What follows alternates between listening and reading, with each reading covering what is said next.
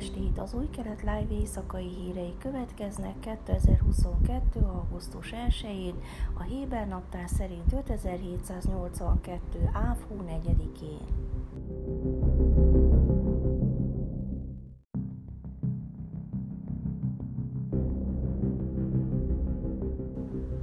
Olena Zelenszka, Volodymyr Zelenszky ukrán elnök felesége szerint nemzete Izraelt az ellenálló képesség inspirációjának tekinti, tekintettel arra, hogy történelme során meg kellett birkózni a szomszédai támadásaival. Nem túlzás azt állítani, hogy Izraellel múltbeli tapasztalatai inspirálják Ukrajna polgárait, mondta Zelenszka a 12-es csatornának adott interjú során.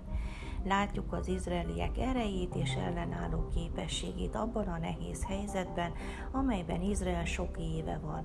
Az önök ellenálló képessége példaként szolgál számunkra, mondta a Zoomon készült interjúban. Az Ukrajnának nyújtott izraeli segítségről szólva, amely túlnyomó részt humanitárius segítségnyújtásra korlátozódik, Zelenszka azt mondta, országa nagyra értékel minden segítséget, amit kap, különösen Izrael segítségét a sebesült ukránok kezelésében. Miközben ukrán tisztviselők arra sürgetik Izraelt, hogy nyújtson katonai segítséget, de Izrael elzárkózik ettől, hogy megőrizze kapcsolatát Oroszországgal. Mint tudják, Ukrajna egészségügyi rendszere túlterhelt, ezért segítséget kérek Ukrajnának minden lehetséges módon, mondta Zelenszka. Az egyik terület, ahol Izrael segítséget ajánlott, az ukrán mentálhigiénés szakemberek képzése azokra a traumákra vonatkozóan, amelyekkel valószínűleg szembesülni fognak az orosz invázió nyomán, amely a becslések szerint több ezer ukrán civil halálát okozta.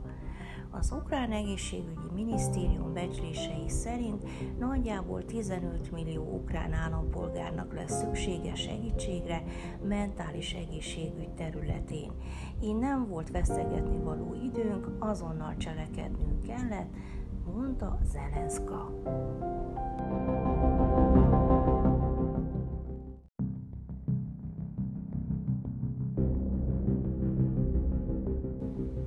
Izrael vasárnap előterjesztette egy közös izraeli-jordán ipari park létrehozásának tervét, amely átnyúlik határaikon is egy meglévő híd köti össze. A Jordán kapunak nevezett terv lehetővé teszi az izraeliek és jordánok kényelmes átkelését, hogy közös projekteken dolgozzanak. A javaslatot a kabinet vasárnapi ülésén fogadta el. 28 évvel azután, hogy békét kötöttünk Jordániával, egy lépéssel tovább visszük a két ország jó szomszédi viszonyát. Ez egy olyan áttörés, amely nagyban hozzájárul a régió fejlődéséhez és megerősödéséhez, mondta Jair Lapid miniszterelnök a kormányülésen. A terv jóváhagyása napokkal azután történt, hogy Lapid Amanba utazott és találkozott második Abdullah Jordán királlyal. Izrael és Jordánia közötti állandó feszült kapcsolat az elmúlt években tovább romlott, különösen Izrael Ammani nagykövetségén történt incidenst követően, amikor egy izraeli biztonsági őr agyonlőtt két jordán állampolgárt, akik közül az egyik csavarhúzóval támadta meg és megszúrta. A másikat nyilvánvalóan nem szándékosan ölte meg. Évekig komoly szakadás volt Jordániával, mert elődöm az Instagramon közé tett egy fotót az őrrel, aki véletlenül megölt egy Jordánt, mondta Naftali Bennett rotációs miniszterelnök a kormányülésen, Benjamin Netanyahu-ra utalva. Egy Instagram bejegyzés miatt évekre kárt okoztunk a kapcsolatokban Jordániával, tette hozzám Bennett. A Jordán folyón átkelő meglévő híd kötő össze a tervezett Jordán kapu zóna két oldalát az izraeli Bécsán közelében.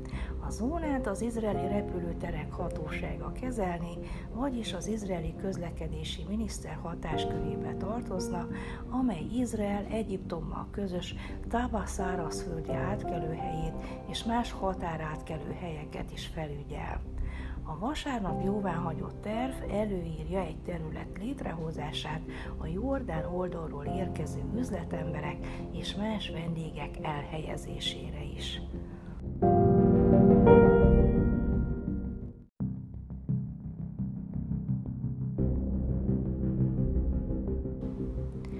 Hans Hochstein amerikai megbízott libanoni vezetőkkel az Izrael és Libanon közötti tengeri határvitáról folytatott találkozóját diplomáciai berkekben óvatos optimizmussal kezelik.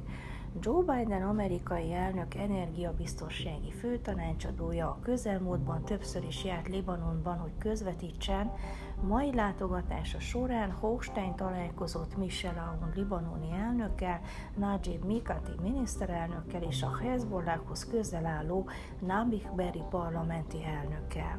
A libanoni vezető politikusok egy köre tükrözi az ország vezetése közötti konszenzust, és állítólag talán még a Hezbollah közvetett egyetértését is a közvetítői erőfeszítésekkel kapcsolatban, állítja a Héber média.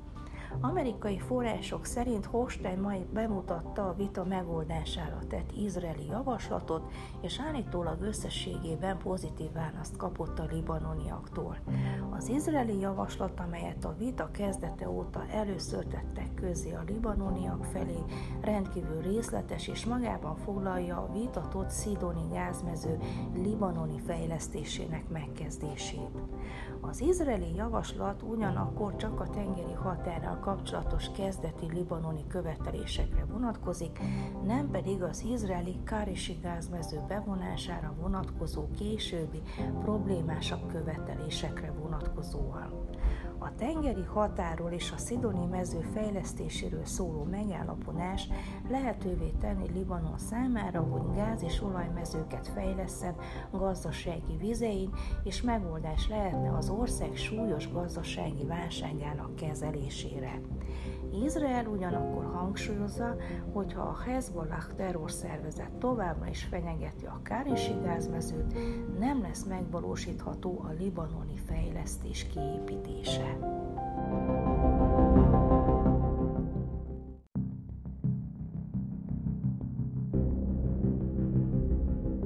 Időjárás. Kedden napos idő várható, Jeruzsálemben 32, Hajfán 28, Ejláton 42, míg Ásdodban és Tel Avivban 31 fokra lehet számítani. Ezek voltak az új kelet live hírei hétfőn.